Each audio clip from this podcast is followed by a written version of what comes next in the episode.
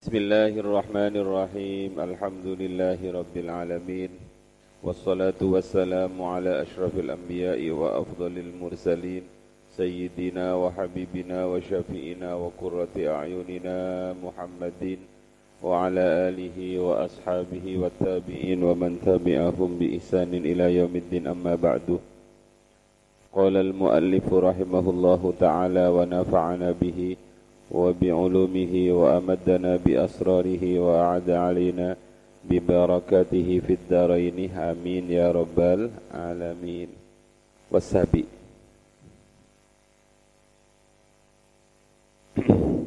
wasabi'u utawi kang ketujuh adab yang ketujuh seorang alim bersama murid-muridnya iku annahu sak temani kelakuan.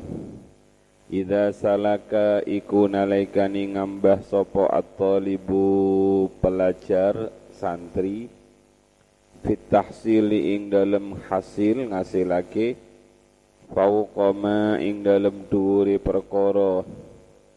Yaqtadi kang natrapi yaqtadi kang natrapi hi ing ma apa haluhu keadaani talib?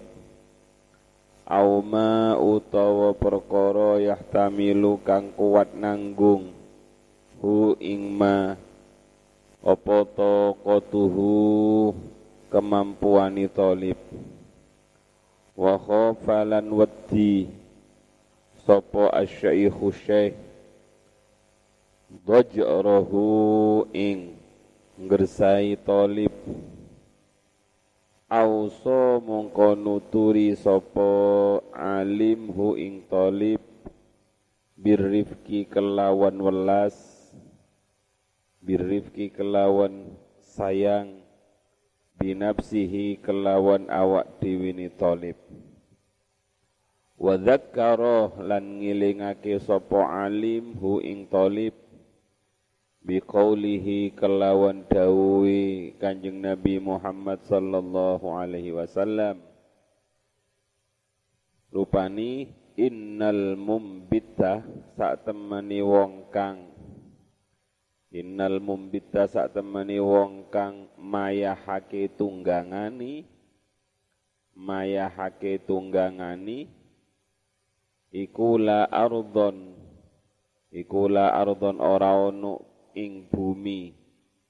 Ah megotake sapa mumbit. Wala dhahron lan ora ing geger. Wala dhahron lan ora ing geger. Abqa kang ngiriake apa? Abqa kang ngiriake apa? Mumbit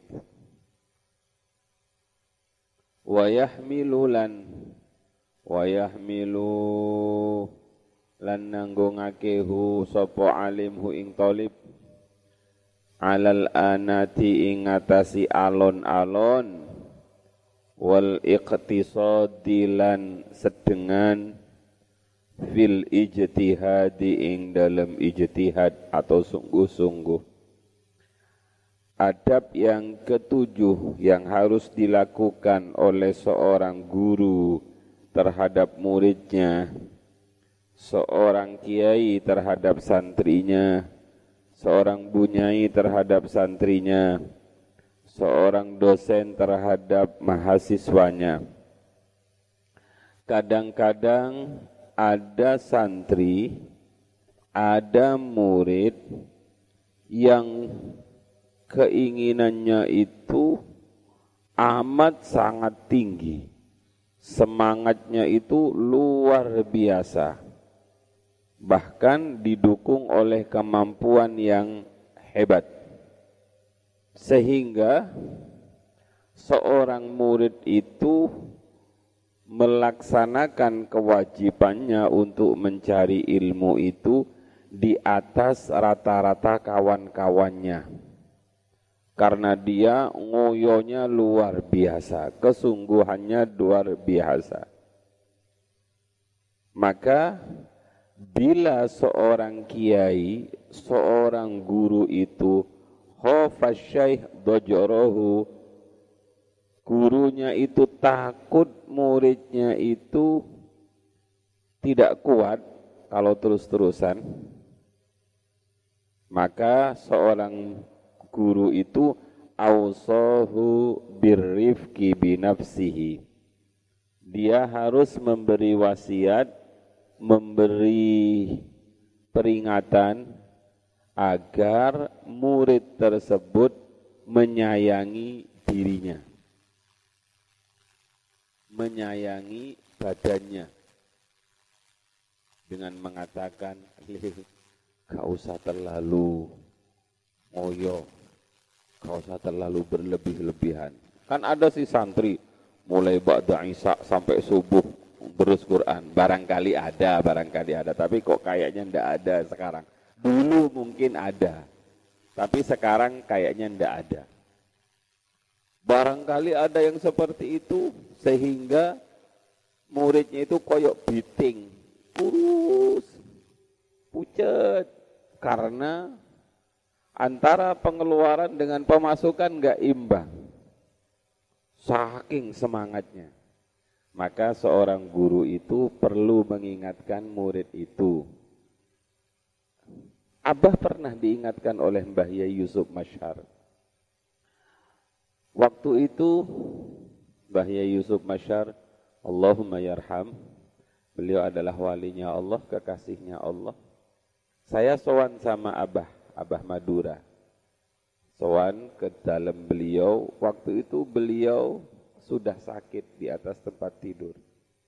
Begitu saya dan Abah sowan, cium tangan, suruh duduk di kursinya. Mbah Yusuf Masyar itu manggil saya. Kau usah terlalu nguyuh biasa-biasa saja. Eman-eman badannya. Ya Allah ternyata ada di bukunya Mbah Hashim. Karena memang waktu itu saya itu ngoyo betul. Saya kan tidak secerdas kalian. Kalau kalian kan cerdas, sekali duduk langsung apal, sekali duduk kan langsung apal. Kalau Abah kan nggak terlalu cerdas, sehingga harus ngoyo. Bagaimana bentuk ngoyo saya waktu itu? Saya itu tidak pernah di kamar, saya di luar. Eh, nggak uh, pernah saya di kamar. Kalau di kamar ngapalkan Quran pasti gak jadi. Itu saya bukan kalian kan. Kalau kalian di mana saja bisa kan kalau kalian. Kalau di kamar saya nggak bisa karena pasti terganggu dengan kawan-kawan. Nggak bisa saya fokus di kamar itu. Pasti kawan-kawan itu ada yang guyon. Kalau nggak guyon ada yang bawa makanan, ada yang bawa kopi lah. Bismillahirrahmanirrahim. Qad sami Allah. Kopi rek. Oh, kopi. Yes saya nggak bisa maka saya keluar keluar itu biasanya saya di madrasah-madrasah di depan kamar itu setelah Isya itu biasa saya makan dulu habis itu deres. Karena saya itu paling takut mengecewakan guru. Kalau nggak lancar itu kan gurunya nggak enak. Maka saya ngoyo sekali. Suatu saat itu pernah sampai saking ngoyonya saya ketiduran. Eh, karena di Tebuireng waktu itu banyak nyamuk, saya bawa obat nyamuk. Uh, sejadah saya itu kebakaran gara-gara nyamuk saya nggak tahu, gara-gara obat nyamuk. Lah Mbak Yusuf Bashar bilang, anu, le, kau usah terlalu nguyo, kasihan badannya, biasa-biasa saja. Uh, begitu, ya sudah, alhamdulillah habis itu ya ngurangi sedikit, ngurangi sedikit. Sekali lagi, itu karena saya nggak cerdas seperti kalian. Kalau kalian kan cerdas, sekali duduk satu jam kan langsung jadi apalannya sehingga nggak perlu. Maka bedanya antara orang cerdas dengan orang nggak cerdas itu kan di situ. Kalau orang nggak cerdas itu terlalu ngoyo seperti saya, kalau orang cerdas seperti kalian itu nyantai-nyantai. Karena apa? Sekali duduk langsung apal. Nah, Bahasim bilang, kalau kalian seorang guru melihat muridnya itu luar biasa semangatnya, dia di atas rata-rata semangatnya, bahkan dia sampai betul-betul memayahkan dirinya, maka ausahu birrifki binafsihi. Guru itu harus berwasiat kepada murid itu, nak sayangilah tubuhmu. Ini pernah terjadi orang-orang dulu itu anak-anakku semangat-semangat. Ada beberapa kelompok sahabat itu begitu mendengar Nabi berbicara tentang hebatnya ini, ibadah ini, ibadah ini itu mereka rata-rata apa ya? ugal-ugalan ngebute ibadah. Maka begitu dia mendengar Nabi bersabda seperti ini, pahalanya seperti ini dan lain sebagainya, salah seorang sahabat kepada kawannya dia berkata, "Demi Allah, mulai hari ini saya akan puasa terus. Tidak akan pernah saya lewati hari itu tanpa puasa." Inilah asumud dahra. Satu, yang kedua, saya pokoknya tidak akan pernah tidur di malam hari. Akan saya gunakan untuk sholat malam.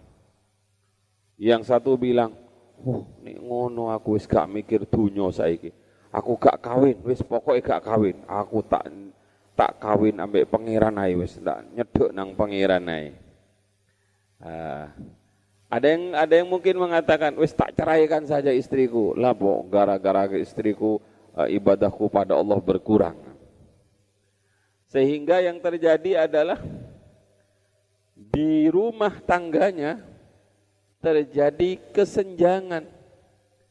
Ada suami yang tidak pernah menyentuh istrinya karena puasa terus. Ada suami yang kalau malam nggak pernah tidur dengan istrinya karena wiritan terus. Jangan-jangan termasuk kalian wiritan terus. Ada ada seorang suami yang pokok pol-polan oleh ibadahnya. Itu sahabat-sahabat dahulu saking semangatnya oleh beribadah. Sahabat-sahabatku sekarang, sahabat-sahabatku sekarang saking oleh ketole nyekel HP.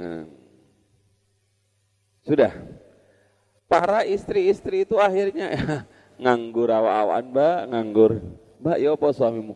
Suamiku poso terus dek. Terus suami sampean, suamiku sholat malam terus aku gak pernah disentuh. Koyok kastok, koyok baju yang dikastok. Akhirnya datanglah para perempuan-perempuan itu ke ibunda Aisyah menceritakan tentang perihal keadaan suaminya yang luar biasa hebatnya dalam ibadah, lupa pada keluarganya. Akhirnya dibawalah perempuan-perempuan itu kepada kanjeng Nabi. Dengan terlebih dahulu, Sayyidatina Aisyah itu bilang begini, ya sudah mulai besok kamu nggak usah dandan. Nggak usah surenan. Kau usah dasteran aja toh, kau usah mandi kalau perlu. Lapo, wong sampean nggak dibutuhkan oleh suaminya. Begitu sowan kepada baginda Rasul, kanjeng Nabi dikasih tahu masalahnya begini, begini, begini. Kanjeng Nabi bilang, panggil suaminya. Panggil suaminya. Akhirnya suami-suaminya itu datang anak-anakku di hadapan Nabi. Eh, kamu yang poso terus ya? Nggih ya Rasul. Dengan bangganya, nggih ya Rasul. Mudah-mudahan dipuji oleh Rasulullah. Kamu yang setiap malam gak pernah tidur ya? Gak pernah nyentuh istrinya.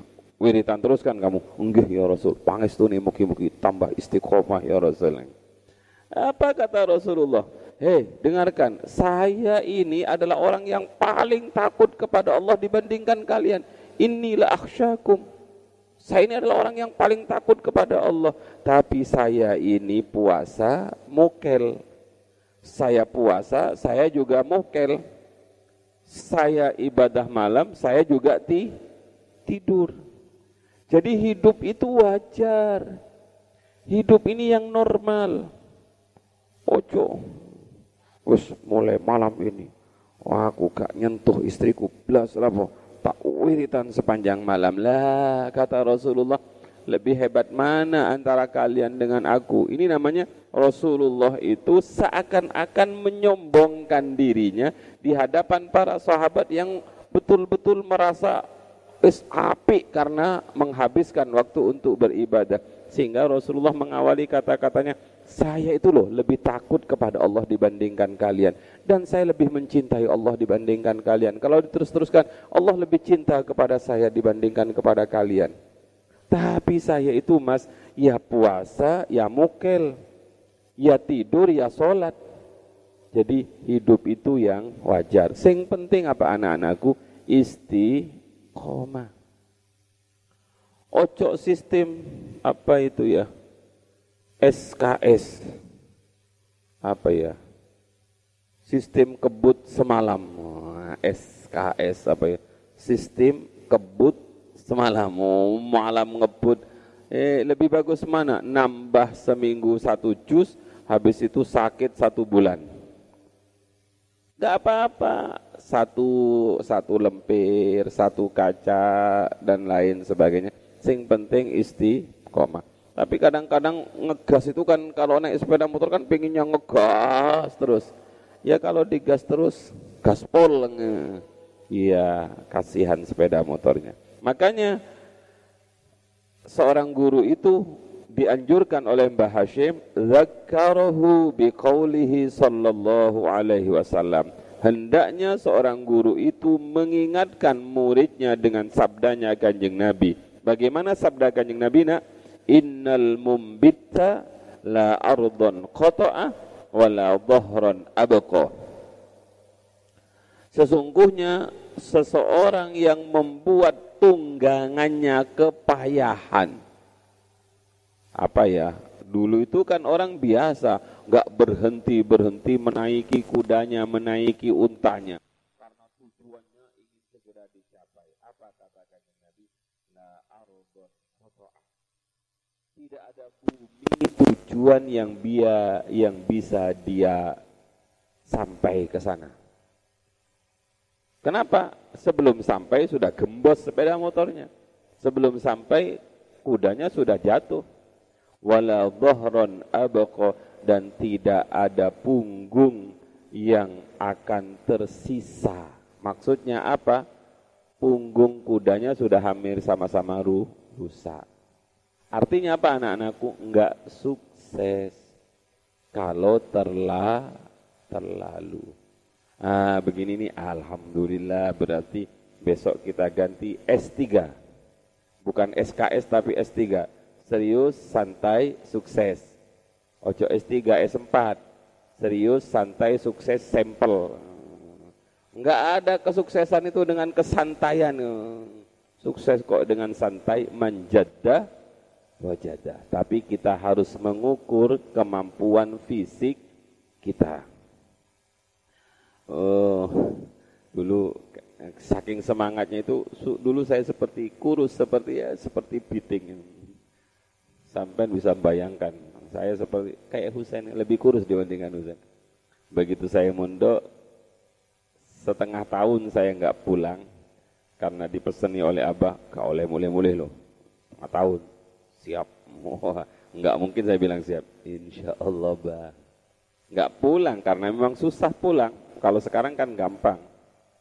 Eh, begitu pulang kurus, kurus saya akhirnya oleh ibu saya lah pokok kurus nak kurang tah sangunya kau usah poso aku sing masani ya bukan karena apa-apa makannya tetap banyak tapi yo karena ya lagi-lagi kembali saya tidak secerdas kalian sehingga saya ngoyo jadi ngoyo yang menjadikan seperti itu nah setelah Kiai Dawuh seperti itu kengoyoannya dikurangi Oh ada kiai yang satu bilang, eh santri-santri, diimbangi, diimbangi, ngoyo seperti itu ngajinya, diimbangi dengan makanannya. Sekali-kali mam telur, ngocok tempe, terus. Ah, dulu santri dulu, santri sekarang telur terus jarang tempe, sekali-kali tempe. Kalau sekarang santri itu kadang-kadang nggak gelem makan di pondok, makannya di luar. Alhamdulillah ada virus corona ini kan akhirnya semuanya harus di dalam. Sudah nak, sudah paham. Wayah miluhu alal anati wal iqtisadi fil ijtihad.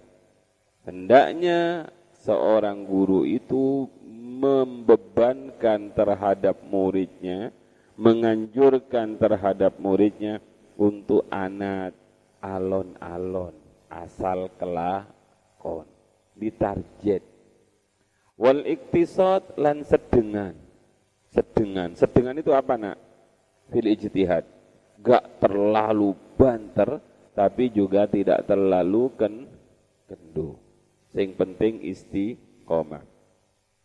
Sudah. Wa idza dhahara lan nalaikani tampak minhu saking murid apa nau usai amatin warno kebosanan au dhajrin utawa keresahan au mabadi dzalika utawa kawitani mengkunu-mengkunu amah amara mongko merintah sapa syekh hu ing murid birrahati kelawan istirahat. Wa fil istighal wa tahfifil istighal lan ngeringankan kesibukan Kalau kita nggak usah memprogram ini, Pondok Bahrul Ulum sudah bagus programnya. Ikuti saja program yang disampaikan oleh para pengurus, para kiai, para bunyai. Dalam seminggu yang aktif berapa itu? Sabtu, Ahad, Senin. Selasa saya pak bola. Selasa enggak ngaji, malam Selasa sudah enggak diniyah.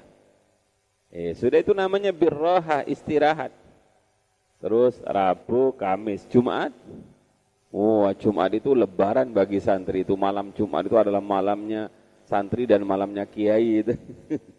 malamnya kiai dan malamnya santrinya juga. Sewenang. Sudah bagus itu, sudah ikuti saja. Gak usah kalian Jumat-Jumat nambah Quran, gak usah. Jumat digawe lompat-lompatan loh. Jungkir balik, salto-saltoan gak apa-apa. Eh di Jumat gak usah nambah. Jumat sih nyekel alfiah. Selasa sore nyekel alfiah, Jumat sore nyekel alfiah. Kapan badanmu senang-senang? Yes ya, ikuti, gak usah. Ikuti apa yang di Bahrul Ulum itu sudah selesai. Wala yushiru wala wala yushiru lan ora wala yushiru lan awe isyarah sopo. Sopo sopo alim ala talibi ing atase talib bita'allumi ma kelawan mempelajari perkara la yahtamilu kang ora nanggung hu ing ma.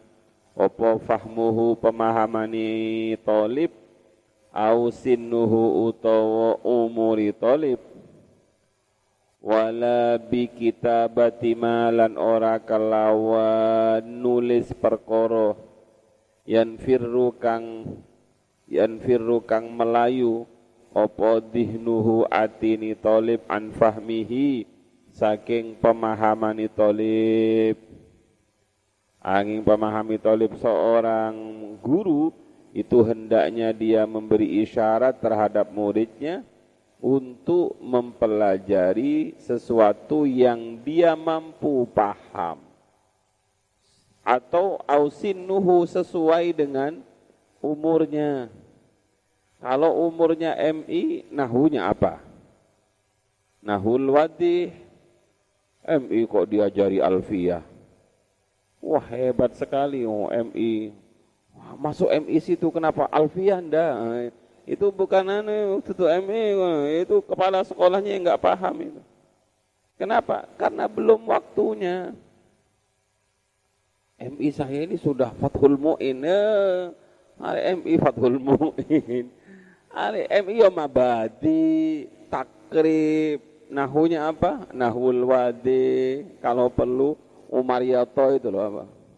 Kan ada santri ke toko kitab. Beli kitabnya Pak. Kitab apa nak? Umar Yato gitu. Apa Umar Yato itu kata tukang kitab. Gak ada ada Umar Yato itu. Umar Yato. Ada teman-teman saya semuanya punya katanya beli di sini Umar Yato Umar Yato apa sile? Imriti tulisannya kan Umar Yato. Oh Imriti, oh tak kira Umar Yato gitu. Hmm, santri baru beli kitab cari Umar Yato gitu. Awas lo udah takok nang konco nih opo nama kitab ini Umar Yato salah sudah. MI kok wala wala bikat wala bikitabi ma yanfiru bihnu an, an fahmihi. Juga jangan diperintah murid itu menulis sesuatu yang di luar kepemahamannya. Wa ini lan lamun jaluk rembuk wa ini istasara lan lamun jaluk rembuk minta musyawarah ing syekh. Sapa man wong la ya'rifu kang ora weruh sapa syekh halahu ing keadaan iman fil fahmi ing dalam pemahaman wal hifdzi lan hafalan fi qiraati fannin ing dalam maca fan ing dalam maca fan au kitabin utawa kitab lam yushir mongko awe isyarah. Sapa alim alaihi ing atasiman bisyai'in kelawan suwiji-wiji. Lam yushir mongko ora awe isyarah sopo alim alaihi ing atasiman bisyai'in kelawan suwiji-wiji. Hatta yujarriba dihnahu. Wa ya'lam wa ya'lama halahu. Hatta yujarriba sehingga jarrib jarraba menjaj, mencoba menguji jajal sopo alim dihnahu ing otae atau atini atau kemampuan iman wa ya'lamu lan ngerti sopo alim halahu ing keadaan iman. Inilah yang dalam pondok itu dilakukan tes untuk penempatan kelas. Sebelum ditaruh ada tes. Pentingnya tes itu untuk mengetahui santri baru itu kemampuannya seperti apa. Kadang-kadang ada santri baru yang besar, sudah tua, tapi nggak pernah belajar hot, nggak pernah belajar nulis. Tapi ada juga yang baru lulus MI, tapi MI-nya sudah bagus di niahnya. Maka di sini perlu dilakukan tes bukan untuk menerima dan menolak, tapi lebih pada apa? Penempatan, sehingga tidak salah tempat sehingga tidak salah tempat. Kita itu enggak seperti wali-walinya Allah yang paham tanpa mengetes. Kalau wali-walinya Allah itu paham, nak kamu sana, nak kamu sana. Tapi kalau kita coba tulis surat Al-Kafirun. Wah, tulis surat Al-Kafirun, ditulis surat Al-Kafirun, surat Al-Kafirun, surat Al-Kafirun. Begitu mana dikumpulkan? Loh, ini kok Loh, tadi perintahnya kan surat Al-Kafirun, surat Al-Kafirun. Jadi saya tulis surat Al-Kafirun. Loh, nah begini ini masuk kelas 5. Yo, yo kacau nanti. Masuk kelas 1 gini dini ya, kelas apa namanya yang pertama itu? Sifir ya, kelas paling bawah.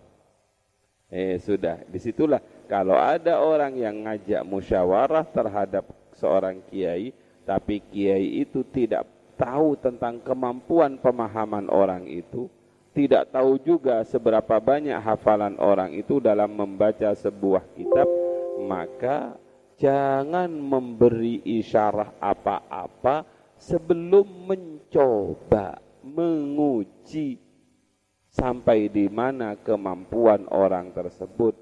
Dengan ujian itu maka sang kiai tahu kemampuan murid tersebut. Fa illam yahtamil, ya sama sudah di pondok sudah dilakukan semua karena memang pondok kita itu pondok Nahdlatul Ulama, maka ada tes penempatan. Quran juga begitu, ada tes di mana dia dimasukkan apa di nakis, apa di matawasid, apa di makbul, apa di muntazir, apa langsung masuk tahfid. Jangan memperlambat jalannya orang. Maksudnya apa? Anak yang sudah kira-kira bagus bacaannya, dia, sudah punya hafalan di rumahnya lima juz misalnya, tidak usah dia ditaruh di nakis. Itu namanya memperlambat perjalanan orang atau anak yang tidak bisa apa-apa ditaruh di tahfid. Kenapa kok ditaruh tahfid? anu bapaknya kawan saya. Ya jangan kasihan dia. Sehingga kalau terlalu berat biasanya santri itu kalau santri itu mau boyong, perhatikan. Kalau santri itu gak betah di pondok itu permasalahannya satu. Mungkin alternatif pertama dia nggak kuat pelajarannya. Pusing, wah, pusing. Mulai, mulai, mulai. Karena dia nggak mampu. Kenapa dia nggak mampu? Karena ketika tes salah penempatan. Itulah pentingnya tes masuk kelas itu. Yang kedua, kadang-kadang mampu santri itu, tapi dia nggak betah di pondok karena dibully oleh senior-seniornya. Kata senior-senior dulu aku mondok awal-awal dikojloki ambek kakak-kakak ya saya kita balas. Ini namanya turun temurun ini. Yang nggak kuat mentalnya boyong atau karena sakit dan lain sebagainya. Pasti seorang santri itu akan diuji. Terus fa illam yahtamil mungko ora mungko lamun ora mimper opo al halu tingkah at takhira ing din akhirake asyara mungko awi isyara sapa alim alaihi ing atasiman bi kitabin kelawan nulis sahlin kang gampang-gampang minal fanni saking fan al matlubi kang den supri. Ya diberi yang mudah-mudah dulu. Pokoknya gini anak-anakku nanti mbak-mbak yang di rumah mbak-mbak yang di sini mas-mas yang di sini santri datang itu seperti dalam konsep zakat itu adalah muallafati kulubuhum mereka itu hatinya masih harus dielus dienak-enakkan Jangan langsung santri datang, santri baru langsung diget. Kaget dia. Tadriji bertahap. Bertahap karena mereka masih disenangkan untuk mondok dulu. Bulan-bulan pertama yuk biasa-biasa saja. Karena bulan pertama itu adalah bulan penyesuaian perpindahan dari satu lingkungan ke lingkungan baru. Maka butuh yang disebut dengan adab adaptasi. Adaptasi dengan lingkungan. Jangan terlalu di beban yang berat-berat. Habis itu naik, naik, naik, naik. Begitu sudah masuk setengah tahun itu sudah enak, sudah sudah aman. Tapi rawan, dua bulan pertama itu santri rawan. Maka pengurus harus paham begitu itu. Rawan apa? Rawan mutung. Karena apa? Karena mereka beradaptasi mereka harus beradaptasi mandinya, beradaptasi tidurnya, beradaptasi dengan gaya hidup dan lain sebagainya, beradaptasi juga dengan makannya, beradaptasi meninggalkan kenikmatan-kenikmatan HP dan lain sebagainya. Maka perlahan muallafati qulubuhum. Selanjutnya bismillahirrahmanirrahim. Fa in ra'a sapa alim dihnahu ing atini man qabilan ing nerima wa fahmahu lan ing pemahaman iman jayyidan kang bagus naqala mongko minda sapa alim hu ing man ila kitabin marang kitab yaliku kang sesuai pantas opo kitab bidihnihi kelawan kecerdasani man atau atini man kalau seorang guru itu melihat bahwa anak ini pikirannya bisa memahami, anak ini pemahamannya bagus, maka bolehlah naik kitab. Dari kitab kecil menuju kitab menengah. Dari kitab menengah menuju kitab atas. Itu namanya berjenjang. Jangankan ngaji anak-anak, makan saja harus berjenjang.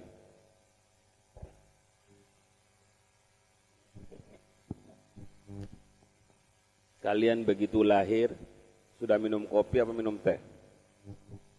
Atau minum soda gembira gitu. Makananmu apa ketika ketika baru lahir? Langsung makan pisah apa? Ya enggak, harus berjenjang. air susu ibu tidak makan apa-apa. Baru setelah itu apa itu? Pisang diremet-remet. Habis itu bubur sun. Pelan pelan pelan. Sekarang semuanya masuk pecel masuk gule masuk sate masuk rujak masuk. Coba anak MI coba anak TK di ngono ya. Muntah-muntah dia. Uh, sudah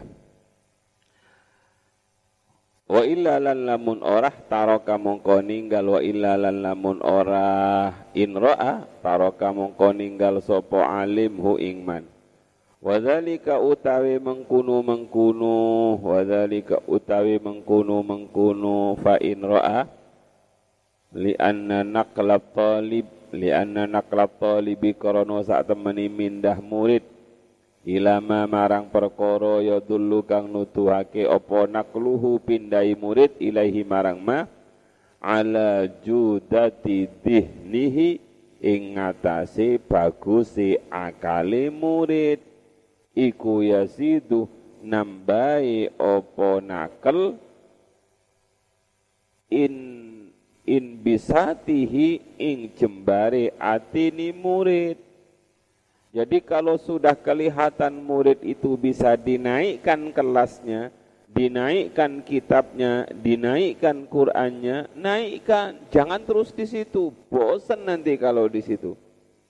Kalau dinaikkan dia memiliki tantangan baru. Jadi kalau santri itu enggak ada tantangan, pelajarannya itu ah aku iso kabeh ya bosen munduk sepak bola dok lapo sampean kok gak ngaji pelajaran ini pun paham sedoyo maka dinaikkan harus ada tantangan baru. Wa ilama itu akan membuat hatinya murid seneng jembar. Wa ilama lan marang perkara ya dulu kang nutuake apa? Nakluhu ala kusurihi ing ngatasi cendha idihnuhu iku yuqallilu iku yuqallilu nyetitikake apa nakluhu? Nasatahu ing trengginase nasatahu ing trengginase nasatahu ing trengginase. Uh, tolib. Kalau enggak dinaik-naikkan enggak tambah semangat. Wala yumakkinu lan orang ngungangake sapa alim at-taliba ing murid minal istighali saking ketungkul fi fannaini. Di harokati fi fannaini ing dalam dua fan. Fan itu bidang. Bidang studi itu namanya fan. Bukan penggemar itu. Fan itu pem, fans itu kalau ada ada S-nya baru penggemar. Koyo uang kullu man 'alaiha fan setiap manusia punya fan itu fan-fan rusak kalau di situ. Kulluman alaiha fan. Fi fannaini fan ini adalah tidak ada alifnya. Fi fannaini ing dalam dua bidang. Au aksara utawa luwi akeh. Idza lam yadbit lamun ora lamun ora iso melanggar iso po murid huma ing fannaini kalau tidak memungkinkan tolib itu diberi dua bidang studi yang dia tidak akan mampu kedua-duanya, maka jangan diberikan bersamaan. Contoh, ada memang anak yang ingin belajarnya itu tertib. Aku tak ngaji kitab C, baru Quran. Aku tak Quran C, baru kitab. Ada yang sama-sama jalan keduanya. Aku Quran jalan, apa itu? Kitab juga jalan. Bolehlah. Yang paling tahu itu adalah diri mereka sendiri dan gurunya. Karena Al-Quran dawuh balil insan ala nafsihi basirah. Manusia itu sendiri yang paham tentang kemampuan dirinya dan gurunya, kadang-kadang gurunya lebih paham dibandingkan muridnya itu sendiri. Bal balik yuqaddimun disiake sopo syekh al aham fal ahamma. Al ahamma ingkang luwih penting fal ahamma nule kang luwih nule kang rodo penting al aham fal aham apa artinya ambil yang penting amat penting lalu lalu yang rodo penting ini namanya bahasa kalian ada prioritas ada yang mana dulu yang menjadi prioritas kalian? Aku ingin belajar usul fik. Ya sudah usul fik dulu. Karena menurut kamu semua hukum-hukum itu harus melalui usul fikih. Belajarlah usul fikih. Aku tak belajar nahuse. Wah, rata-rata semua mengatakan yang paling penting apa? Tergantung nulisnya. Kalau bagi orang yang nulis nahu wan nahu aula ayu lama. Karena apa? Karena gak bisa paham kalam tanpa nahu. Itu bagi yang nulis nahu. Tapi bagi yang nulis tauhid, anak-anak itu harus belajar tauhid dulu. Buat apa nahu kalau dia nggak punya keyakinan kepada Allah? Tanamkan tauhid dulu. Itu namanya yang ngajar tauhid. Yang ngajar fikih, C, ibadahnya anak itu kutu benar, maka diajari fikih. Oh, katanya yang punya kursus bahasa Inggris, dia harus keluar nanti, maka orang itu bisa selamat kalau dia paham bahasa. Wah, nah, kalian sekarang kalau sudah ditarik-tarik seperti ini, ambillah al-ahamma fal-ahamma. Cari yang lebih penting menurut kalian, lalu yang roto penting. Ini pernah saya sowan kepada kiai saya di Madura. Namanya almarhum Bahyai Muhaimin Muhaimin Ma'sum beliau bilang pada saya kau usah terlalu banyak yang dihafalkan nah Quran dulu Quran dulu paham Quran dulu hafalkan baru setelah Quranmu selesai nanti ke sini tak kasih tahu kamu ngapalkan apa setelah saya selesai saya sowan kepada beliau lah sekarang sudah hafal Qurannya ayo mulai ngapal nu hadis. Jadi al-aham fal aham. Wa idza alima lan alaikani paham sopo syekh aw ghalaba utawa ngelindih. Ala dhannihi ing atasi persangkaan syekh. Apa annahu sak temeni murid. Iku la yuflihu ora sukses sapa murid. Fi fannin ing dalem bidang studi. Asyara mongko awi isyarah sapa syekh alaihi ing atasi murid. Bitarkihi kelawan ninggal fan. Jadi guru itu kenapa? Guru itu lebih penting dalam kehidupan kita. Paling pentingnya orang itu adalah guru kita. Guru yang seperti yang ditulis oleh Mbah Hashim ini bukan guru-guruan. Apa guru-guruan itu? Ya guru-guruan yang penting masuk ngobrol keluar gitu.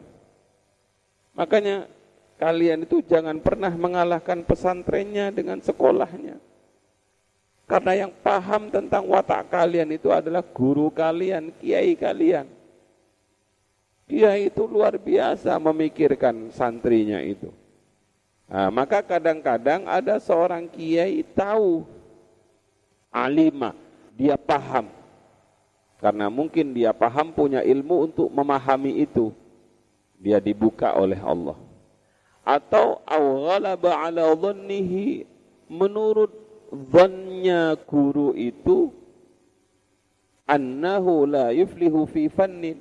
Murid saya ini gak bakat belajar ini. Atau murid saya ini kalau belajar ini untuk apa juga? Maka kalau guru itu seperti itu sudah keyakinannya apa yang harus dilakukan oleh guru? Asyara alaihi bitarkihi wis le sampean gak usah belajar pelajaran iku gawe opo? Menurut bapak menurut saya gak usah kamu tinggalkan. Wal intiqali ila ghairihi wal intiqali lan ngalih ila ghairihi marang liyani fan. Ila ghairihi marang liyani fan. Misalnya Lah apa sampean belajar biologi koyok sampai ngono rumus-rumus fisika kamu begini. Wis wis pindah pindah pindah belajar iki. Nah, ini guru yang paham. Jadi guru itu seperti mursyid bagi kita. Makanya makanya beruntunglah mereka yang memiliki guru yang memiliki pandangan jauh ke depan. Seperti Hadratus Syekh Mbah Yai Jalil. Yang kedua saat ini Mbah Yai Solahuddin. Enak kita ibunya Mas Hasan dibilangi oleh Romo Jalil, kamu kuliah. Ya sudah selesai, tinggal nur, tinggal manut saja. Kalau kita punya mursyid enak, sini enak. Kayak Mas Hasan, oleh Mbah Jamalnya dibilang gini, eh tinggal tinggal manut saja. Karena dawuhnya beliau itu bukan dawuh dari pikiran, tapi dawuh dari Allah Subhanahu wa taala. Nah, guru-guru yang hatinya bersih ini mampu memilihkan kita mana yang terbaik dan mampu memindah kita dari yang kurang baik kepada yang baik. Maka tidak ada tawaran, tidak ada seorang murid itu, eh, belajar ini ya nak kamu Murid yang bagus, nggih sami'na wa ata'na sam'an wa ta'atan gak usah kamu. Kenapa saya harus belajar itu Pak Yai? Apa gunanya belajar itu? Sebab saya punya, wah, kamu punya apa kamu? Kamu punya pikiran apa kamu? Gak usah. Kalau berhadapan dengan guru mursyid, kalau berhadapan dengan kiai yang arif, kalau berhadapan dengan guru yang hatinya bersih, sudah nggak usah ada pilihan-pilihan. Pilihannya adalah pilihan saya adalah memilih atas pilihan kiai. Pilihan saya adalah memilih atas pilihan bunyai. Sudah selesai. Makanya ada istilah indahnya manut. Nah, indahnya manut. Kok ngono juga? Iki loh, jodohmu iki sami'na wa ata'na. Karena setelah diintip wahyu. Nah. Tapi kalau enggak ayu, kenapa harus itu ya? Kenapa enggak yang lain? Eh sudah sudah sudah ayo diteruskan. Uh, mimma yurja fihi falahuhu mimma saking barang yurja kang din arep-arep fihi ing dalem ma apa falahuhu suksese murid Mbah Hashim Mbah Khalil, Mbah Yai Jalil, Mbah Wahab, Mbah Fatah, Abah Jamal, itu sudah bisa memilihkan muridnya mana yang terbaik. Maka kalau sudah manut, Alhamdulillah, dulu saya manut yai, dulu saya manut guru, enak ternyata manut itu. Terakhir sedikit, Wasaminu utawi adab kang kedelapan. Iku Allah yudhira ora yento ngatonake. Ngatonake menampakkan sopo syekh litolabati marang piro-piro murid. Tidak boleh seorang guru itu menampakkan di hadapan murid-muridnya tafdhila ba'dihim ing sebagiani tolabah ala ba'din ngalahakin ngalahaken sebagian kang liya. Indahu ing dalem sandingi syekh ing dalem sandingi alim. Bahasa kalian itu apa namanya nak? Tidak boleh seorang guru seorang kiai seorang bunyai seorang dosen menampakkan di hadapan para santrinya mengutamakan sebagian santri mengalahkan sebagian yang lain. Apa namanya itu? Pilih kasih. Nanti kalau kamu masuk kelas, di kelasmu itu ada 40 orang. 40 orang itu anaknya siapa? Anaknya orang semua itu. Gak ada yang tidak anaknya. Ini anak orang, ini anak setengah orang. Enggak, semuanya anaknya orang. Mereka punya ayah, mereka punya ibu, mereka punya cita-cita, mereka punya harapan besar. Maka kamu jangan pernah membeda-bedakan mereka karena daerah, membedakan mereka karena wajah, membedakan mereka karena harta. Semuanya adalah murid-murid kamu. Jangan ada yang ditaruh di bahasanya orang Madura itu, bahasa Inggrisnya. Jangan ada yang cek bede se sabe edoi, sabe etongka apa apa. Jangan ada murid yang ditaruh di kepala, di batu. Jangan ada murid yang ditaruh di tongkak. Tongkak itu apa toh? Tongkak itu itu lo tumit. Jangan ada yang di, di sini ini kan mulia kalau di sini. Kalau ditumit kan hina. Jangan berbeda seperti itu. Apalagi kamu tampak-tampakkan. Eh, begini ini banyak yang terjadi. Onok murid saya kan sering memperhatikan guru-guru diniyah itu. Dulu, dulu bukan guru diniyah sekarang. Saya kalau ngontrol ke Al-Fatah itu dulu. Ada seorang ustadz yang sangat perhatian terhadap satu muridnya. Murid yang lain kurang diperhatikan. Eh, tiba ani naksir mbah e. Ya, ngeledek mau naksir mbah e. PDKT lewat ADE. Eh, kau usah ngono kamu. Tidak boleh seorang guru menampakkan di hadapan muridnya mengutamakan sebagian, mengalahkan sebagian yang lain di hadapannya. Satu, fi mawaddatin ing dalam sifat kasihan, dalam sifat cinta, sifat asih.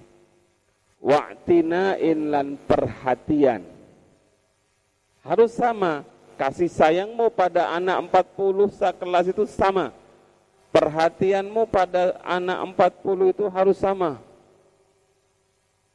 Bahaya begini ini, kadang-kadang dosen-dosen itu satu diperhatikan terus. Yang lain nggak diperhatikan, yang lain pasti tahu dong. Lapo matanya dosen itu kok menuju ke itu terus. Eh, kamu semuanya sama di hadapanmu. Itu kelak yang akan menjadi penerusmu semua. Ya, sama Padahal ma'atasawihim sertani padani tolabah fisifati ing dalam sifat minasinni saking umur au fadilatin utawa keutamaan au tahsilin utawa hasil au dianatin utawa sifat agomo padahal semuanya sama dari sisi umur dari sisi keutamaan dari sisi mereka menghasilkan ilmu dari sisi agamanya semuanya sama. Kalau semuanya sama, tidak perlu kamu menampakkan satu lebih munggul dibandingkan yang lain. Dalam hal apa? Dalam hal cinta dan perhatian. Kenapa anak tidak boleh? Fa inna dzalika mimma yuhishu sadara wa yunaffirul qalbah. Fa inna dzalika karena sak temani mengkuno mengkuno Fa inna dzalika karena saat temani mengkunu mengkunu mau biasa nih kan begitu kan mau mau nanti maunya ya golek dewe. Nah, jadi santri itu enak. Fa inna dzalika mongko saat temani mengkunu mengkunu enaknya bukan mau mazkur gitu ya. Fa inna dzalika karena saat temani mengkunu mengkunu mazkur. Apa mazkur nak? Mazkur di situ adalah idhar. Idhar litolabah. Karena sesungguhnya menampakkan terhadap semua murid bahwa guru itu lebih mencintai seseorang mengalahkan yang lain itu termasuk iku mimma setengah saking perkara yuhishu kang ngeresahake apa ma asadara ing ati wa yunaffiru lan melayuake apa ma alqalba ing ati gejolak dadanya, gejolak hatinya itu luar biasa. Akan terjadi persaingan yang tidak se sehat. Itu kalau semuanya sama nak. Tapi kalau memang ada satu yang lebih unggul, Ada yang satu yang lebih hebat, contohnya gini. Itu loh contoh di akhlak al-akhlak lilbanin itu ada seorang kiai sangat perhatian terhadap satu muridnya mengalahkan yang lain itu loh. Sehingga yang lain merasa resah, yang lain merasa gelisah dan protes kepada kiainya. Maaf Pak Kiai, kenapa engkau lebih memilih ini dibandingkan kami? Kami semuanya kan sama, punya hak yang sama. Karena kami telah melakukan kewajiban yang sama. Apa kata kiainya? Mohon maaf, ya sudah besok gak usah ngaji. Kita mayoran saja. Akhirnya apa nak itu? Waktu itu? Semua murid diberi apa itu? Diberi burung, diberi burung dara, kemudian dikasih pisau, gurunya bilang, eh tolong sembelih burung ini di tempat yang tidak ketahuan oleh siapa pun. Wah semuanya ada yang pergi ke atas bukit, seret. ada yang naik pohon, seret. ada yang berlindung di bawah balik batu, seret. Pendek kata semuanya sukses menyembelih burung. Satu santri yang sangat disayang itu tidak tidak bisa nyembelih. Pulang terakhir datang burungnya, burungnya itu burungnya itu maksudnya burung merpati itu tadi itu. Tidak belum disembelih. Wow, konco-konco nih, Gus, konco-konco nih, weh, eh, eh, kak pentos, kak pentos, wes pokoknya digojolong. Ngono ae gak iso, eh, disorak-sorai. Tanya oleh gurunya, kenapa kamu kok nggak manut le? Kok nggak kamu sembelih itu? Mohon maaf Pak Kiai. Ya maaf gampang. Kenapa kamu kok enggak manut? Suruh nyembelih saja kak gelem. Boten kulo, kulo boten karena boten manut Kiai. Tapi syaratnya terlalu berat. Apa? Karena tidak boleh kelihatan oleh siapa pun. Kulo naik ke atas bukit, masih ada yang melihat. Kulo naik ke atas pohon, juga masih ada yang melihat. Masuk ke dalam gua juga ada yang melihat. Ke mana pun kulo pergi masih ada yang melihat kulo. Kiainya paham, mong kiai paham, mong ini hanya ingin memberitahu kepada murid yang lain. Maksudmu gimana? Langgi, di mana pun saya berada, Allah selalu bersama kulo. Kulo ditinggali terus kali Allah. Apa katanya kiai? Murid yang lain diam. Lah kalau begini boleh karena memang punya kelebihan. Mbah Hashim suatu saat mau masuk Masjid Tebuireng. Akhirnya Mbah Hashim lewat santri-santri yang sedang tidur itu ditaleni oleh Mbah Hashim sarungnya seorang santri. Ada yang mengatakan ini ceritanya Syekhona Holil. Begitu Syekhona Holil mau masuk, salah satu santrinya itu diikat sarungnya. Akhirnya oleh Mbah Hashim dibilangi, oleh Mbah Holil dibilangi, eh, katanya Mbah Holil, sahabat sarungnya saya talein, soan ke rumah. Paham ya? Siapa yang sarungnya merasa saya ikat, terikat, datang ke rumah, soan. Teloi sarung semua, enggak ada yang terikat, satu yang terikat. Kenapa kok bisa ditaleni kalian Mbah Holil? Karena anak ini ketika tidur keluar nur, keluar cahaya. Beda dengan yang lain. Lah, kalau ada yang seperti ini, boleh kita mengutamakan ini.